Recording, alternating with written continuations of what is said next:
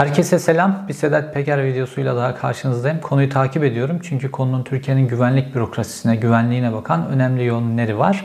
Bir önceki videomda Sedat Peker'in Fas'a geçtiğini ve onunla ilgili bilgileri vermiştim. Şimdi Fas'tan da ayrıldı, başka bir ülkeye geçti. Onunla ilgili bilgileri de birazdan vereceğim ama son videomla ilgili temel bir tezim vardı. Sedat Peker grubuna yapılan bu operasyonun içi boş bir operasyon diye. Cevap ben Sedat Peker'le ilgili konuyu anlattım ama cevap Mehmet Ağar'ın polislerinden, Süleyman Soylu'nun polislerinden geldi. Aslında Mehmet Ağar'dan geldi cevap diyebilirim. Şimdi bu videoda bunun detaylarını ve olayın nereye doğru evrildiğini, Sedat Peker'in yeni geçtiği ülke ve oradaki yaşantısını ve neden o ülkeyi seçtiğiyle ilgili detayları anlatacağım.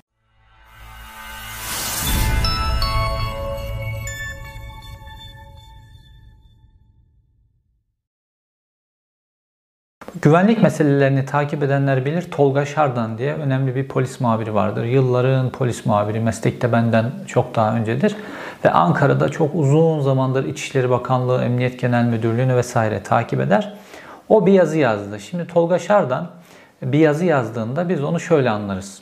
Ee, ben de eski bir polis muhabiri olarak bu yazıyı Mehmet Ağar ekibi yazdırdı şeklinde anlarız. Bu hani Tolga'ya yönelik bir suçlama değil. Emniyet içerisinde bir gruplaşmalar vardır hep. Geçmişten beri, öteden beri olmuştur gruplaşmalar.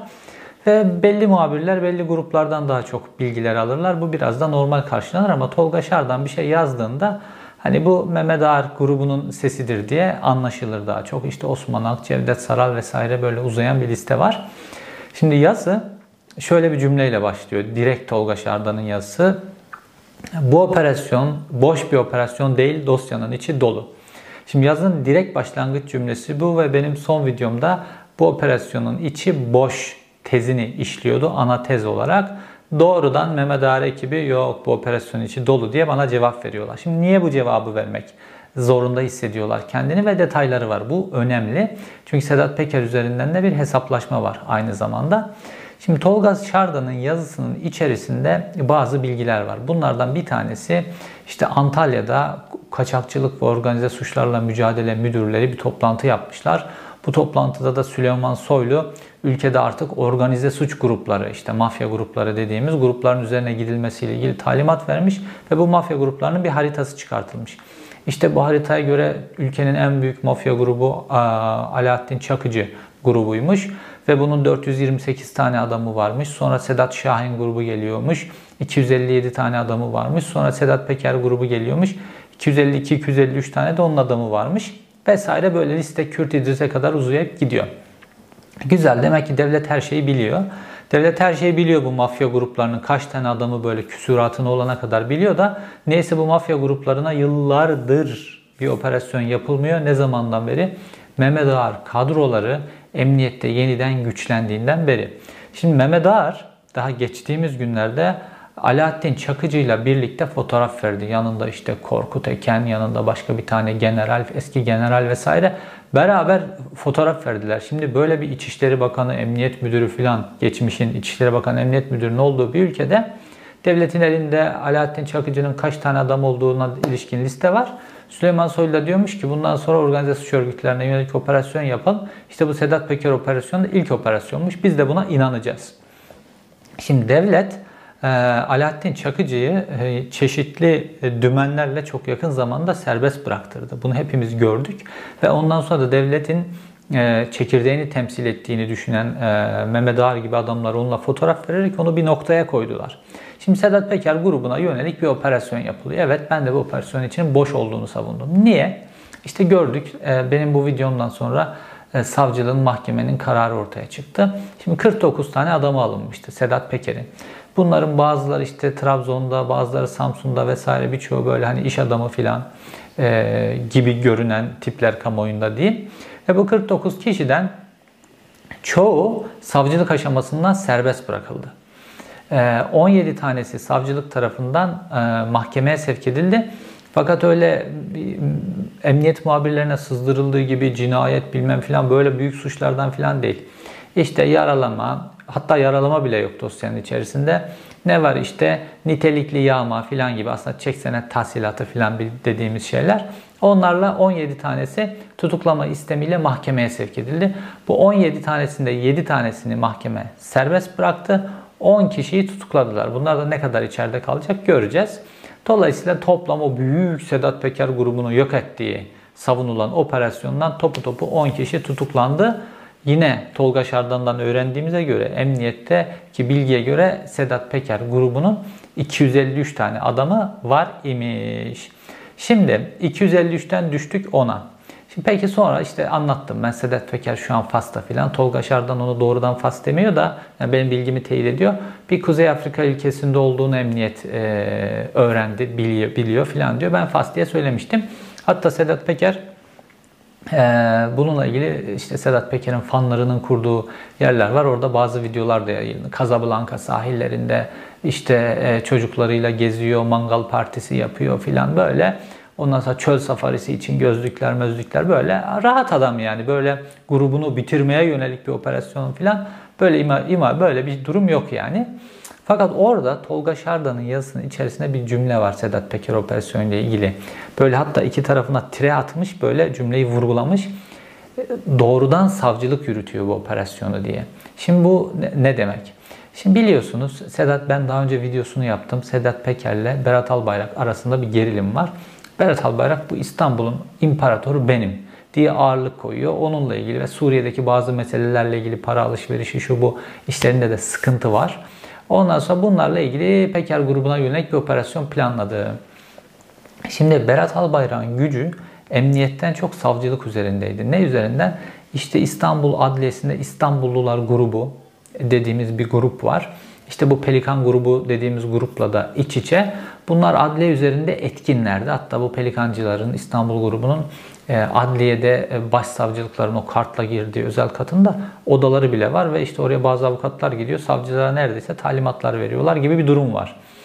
Ve dolayısıyla savcılık yürütüyor bu Peker operasyonunu. Fakat dediğim gibi şu an Berat Albayrak da çaptan düştüğü için her ne kadar bu operasyon biraz Berat Albayrak'a da pohpohlamak için falan yaptırılmış olsa da netice itibariyle içi boş. Neden? Çünkü savcılık da sonuç itibariyle kolluk gücüyle yani emniyetle çalışmak zorunda ve bu bilgileri emniyetten alacak. Şimdi İstanbul Emniyetine baktığımızda İstanbul Emniyeti tamamen Mehmet Ağar'ın kontrolünde. Zafer Aktaş diye bir emniyet müdürü var. Geçmişinden beri işte bu çakıcı gibi filan tiplerle böyle kanka olan bir tip. Dolayısıyla bu adamdan böyle bir operasyon, böyle organize suç örgütleri, Türkiye'de organize suç örgütlerinin olduğu iki yer var. İstanbul, Ankara temel olarak. Diğerleri onların ayakları. Bunlara yönelik öyle İstanbul'da büyük bir operasyon bu adamdan bekleyen, bu emniyet müdüründen beklenmez. Ki Sedat Peker operasyonunda işte 253'ten başladılar. 10 kişi tutuklandı. O da çok daha düzey böyle cinayet falan gibi suçlar da yok ortada. Propagandası yapıldığı gibi. Onlar da ne zaman çıkacak belli değil. Yani çok uzun sürede kalmayacaklarını düşünüyorum ben. Şimdi tabii orada bir de Berat Albayrak kısmını e, böyle açığa çık, temize çıkarma ile ilgili böyle bir girdi de yapılmış. Sedat Peker operasyonu ne zaman başlamış? 2019 yılında bir tane iş adamı gelmiş demiş ki işte Sedat Peker e, benimle bir iş adamı arasında alacak verecek meselesi vardı. Sedat Peker de geldi bana çöktü. O sonra benden yüklü bir miktar aldı. O iş adamı kiralamış herhalde gibi. Ondan sonra bununla ilgili şikayet bulunuyor. Şikayette bulununca da Sedat Peker adamın parasını geri veriyor. Adam da gidiyor şikayetini geri çekiyor. Fakat dosya bir kere işleme girmiş oluyor ve ondan sonra savcılık bunu 2019'dan beri getiriyor, getiriyor, getiriyor bu noktaya getiriyor diye. Yani aslında her şey böyle doğal olarak adli biçimde gelişmiş gibi. Fakat Sedat Peker Makedonya daha doğrusu Karadağ'da olduğu dönemde açıkça video çekti ve Berat Albayrak'ın nasıl kendisine operasyon hazırladığını, bir İstanbul Emniyetinden bir tane polisin bu operasyonun ekran görüntü bilgilerinin ekran görüntülerini cep telefonuna çekip getirip kendisine verdiğini filan bunların hepsini anlattı. Sonra aralarında suskunluk anlaşması imzalandı. Halen de yürürlükte Sedat Peker grubuna yönelik böyle bir operasyon oldu. İşte evi arandı filan çocuklar evdeyken falan filan. Ama ona rağmen Sedat Peker'in ağzından çıt çıkmıyor. Suskunluk anlaşmasına uyuyor. Çünkü Sedat Peker de gerçek operasyonu bilir. Yani içeri girmiş bir adam olarak bu operasyonun gerçek bir operasyon olmadığını Sedat Peker de farkında. Şimdi bu rahatlık Sedat Peker'in o Casablanca'daki videolarında da var işte. Mangal keyfi, çöl safarisi keyfi filan. İşte normalde kamudan bir tane atılan e, KHK'lı öğretmenin bile karısına, çoluğuna, çocuğuna pasaport ver, verilmezken Ondan sonra Sedat Peker bakıyorsunuz karısı yurt dışına gidiyor, geliyor, onu ziyaret ediyor, dönüyor. İstediği an İstanbul'da, istediği an Karadağ'da, istediği an Makedonya'da, istediği an Fas'ta filan. Rahat yani Karısı da çocuğu da çocuğu da. Ha bir kişinin suçundan dolayı karısı, çoluğu, çocuğu kesinlikle suçlanamaz. Pasaportları iptal edilemez. Ayrı bir konu. Fakat bir tane KHK'lı öğretmene bile bu yapılırken basit bir öğretmene Sedat Peker gibi bir adama 253 tane organize adamı, silahlı adam olduğu söylenen adama böyle yapılmıyor işte. Burada bir eşitsizlik var e, dolayısıyla. Şimdi Sedat Peker'in hangi ülkeye geçtiği kısmına gelebiliriz. Şimdi Peker ee, işte Makedonya'da biliyorsunuz işte sahte kimlik vesaire işlerine bulaştı. Ve bu Balkanlar coğrafyası da suçla karışık bir coğrafya olduğu için Peker ağırlığında bir adam o coğrafyaya çok ağır geldi ve oradaki istihbarat emniyet teşkilatında Peker'in faaliyetleri e, rahatsız etti. Çünkü oradaki bütün o mafya gruplarını çok rahat kontrol altına alabilirdi. Çünkü çok güçlü bir ekonomik güç var. Bu mafya içinde Para daha çok kimdeyse adam daha çok ondadır, güç daha çok ondadır. Peker'de de çok büyük paralar var Sedat Peker'de. Dolayısıyla oralarda baskı neticesiyle Sedat Peker orayı terk edip Fas'a, Casablanca'ya geçti. Bir süre orada takıldı. Tamam Fas, Casablanca güzel. Safari, mangal, o bu filan sahillerde yürürsünüz Akdeniz'in sahillerinde filan ama sonuç itibariyle Fas. Ve şimdi Sedat Peker daha böyle kalibresi yüksek bir ülkeye geçmesi gerekiyordu. Ve bu ülkenin de Türkiye ile politik olarak problemleri olan bir ülke olması gerekiyordu. Şimdi Fas'ın Türkiye ile ilişkileri iyi yani. Türkiye istediği an Sedat Peker'i Fas'tan da alabilirdi, Karadağ'dan da alabilirdi, Makedonya'dan da alabilirdi. Türkiye realitede şu an gerçekten istemedi ama bir gün işler döner tersine isteyebilir. Dolayısıyla o politik e, meseleyi de Türkiye ile arasında politik problem olan Dolayısıyla Türkiye'nin istediği bir adamı kolay kolay vermeyecek bir ülkeye gitmesi gerekiyordu. Şimdi Türkiye ile Avrupa ülkeleri arasında da politik problemler var ama Avrupa ülkeleri Sedat Peker gibi bir adama öyle oturum vermezler yani biliyorlar işte. Avrupa ülkeleri tehlikeli çok iyi istihbarat örgütleri var. Ve Sedat Peker Dubai'yi seçti. Şu an Sedat Peker Fas'tan Dubai'ye geçti. Yaklaşık işte 5 gün önce ayın 15'i filan e, Nisan'ın 15'i filan gibi diyebiliriz. Dubai'ye geçti. Şimdi Dubai aslında Dubai'de vize alınması zor bir ülke öyle kolay bir ülke değil Dubai'den vize almak ve Dubai de kendi içerisinde böyle o kriminal işler filan bunlar temiz bir ülkedir aslına bakarsanız. Para finans kısmını hariç söylüyorum. Bu işte e, mafyatik işler diyeyim, yeraltı dünyası işleri itibariyle çok büyük oyuncular vardır. Büyük finans oyuncuları. Onlar Sedat Peker'in boyunu da aşar. Onlar öyle e, küçük işlerle uğraşmazlar. E, neyse ama aldı Sedat Peker oradan e, vize işte ve şimdi oturum işlemleri muhtemelen çözülmüştür. E, çünkü Sedat Peker'in orada bir kontağı olduğuna ilişkin bir bilgiye ulaştım ve bu kontağının da işte Birleşik Arap Emirlikleri Devleti ile güçlü bağları var. Bu bağları kullanarak Sedat Peker'in işte para vesaire bunlar da kullanılmış olabilir. Sedat Peker'in bu vize vesaire işlerini çözüyor ve Sedat Peker şu an Dubai'ye Gidiyor oraya işte yerleşim işlemleri şu anda Dubai'de sürüyor. Sedat Peker'in Dubai lüks bir ülke. Hani Sedat Peker'in o lüks ihtiyacını karşılayabilecek bir ülke. İşte Fas vesaire gibi yerlerden daha güvenli bir ülke. Ee, işte para, likit, alışveriş filan bu işlerin yapılabileceği, para paranın çok döndüğü bir, bir ülke. Orada dolayısıyla para da götürüp getirme konusunda da finans çok hareketli, canlı olduğu için problem değil. Ve şimdi ailesini işte oraya götürmek için Ailesini oraya belki de gitmişlerdir şu anda bilmiyorum. Ee, orada işte bazı hazırlıkları var. İşte evdir, mevdir falan çok lüks siteler, lüks mekanlar var biliyorsunuz. Tamamen yapma bir yer. Oralar oraya yerleşip hayatını devam ettiriyor. Dolayısıyla Sedat Peker açısından durum rahat. Bekleyebileceği uzunca bir süre kalabileceği bir ülke bulduğunu düşünüyor ve çok uzun süre kalacak şekilde yerleşiyor Dubai'ye. Dolayısıyla orada bekleyecek. Neyi bekleyecek? İşte Türkiye'deki pek çok kişinin beklediği gibi Tayyip Erdoğan'ın gücünü kaybetmesini bekleyecek. O gücünü kaybettikten sonra işte onunla kanlı bıçaklı noktasına neredeyse gelen Berat Albayrak vesaire bunlar da gücünü kaybederler. Beklemeye alışık yani bu, bu mafya gruplarının, yeraltı dünyasının örgütlerinin e, özelliklerinden birisidir bu. Yani bunu kabul ederler bu dünyaya girince. İşte işler yaparız yaparız, lüks bir hayat yaşarız. Sonra bu yolun e, kaderi de budur. Tutuklanırız, bir 5 yıl 10 yıl yatarız. Ondan sonra çıkarız, yeniden lüks hayatımıza devam ettiririz filan. Önemli olan cezaevinde birinin bize bakması filan.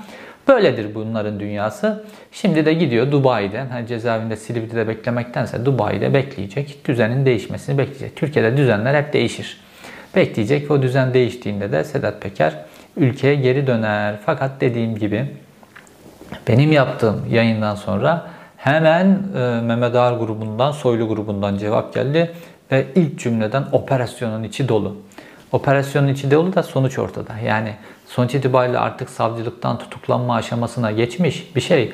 Hani bir de oradaki detaylarla ilgili şöyle bir şey söyleniyor. Şu an savcılık aşamasında olduğu için detaylı bilgileri medyaya veremiyoruz filan.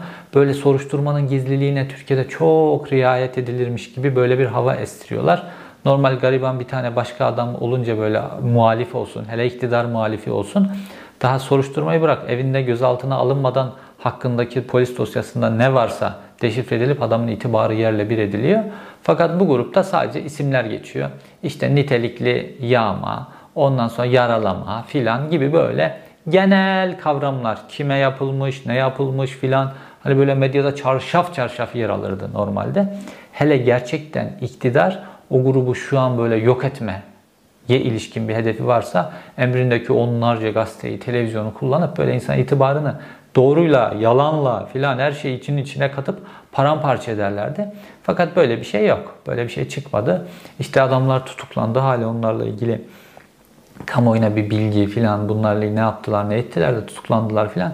Bunlarla ilgili bir sızdırma yok. Çünkü dediğimiz gibi dostlar alışverişte görsün e, operasyonuydu. Bu düzenden e, bu Tayyip Erdoğan'ın oturttuğu, oluşturduğu, büyüttüğü, yerleştirdiği MHP ile birlikte bu düzenden, bu düzenin bürokratlarından, bu düzenin polislerinden öyle organize suç örgütlerine yönelik bir operasyon bekleyemezsiniz. Anca ne olur biliyor musunuz? Bir organize suç örgütüyle çok fazla ilişki içerisindelerdir. Ondan çok fazla nem alınıyorlardır. Anca onun rakibinin üzerine giderler. Anca bu olur.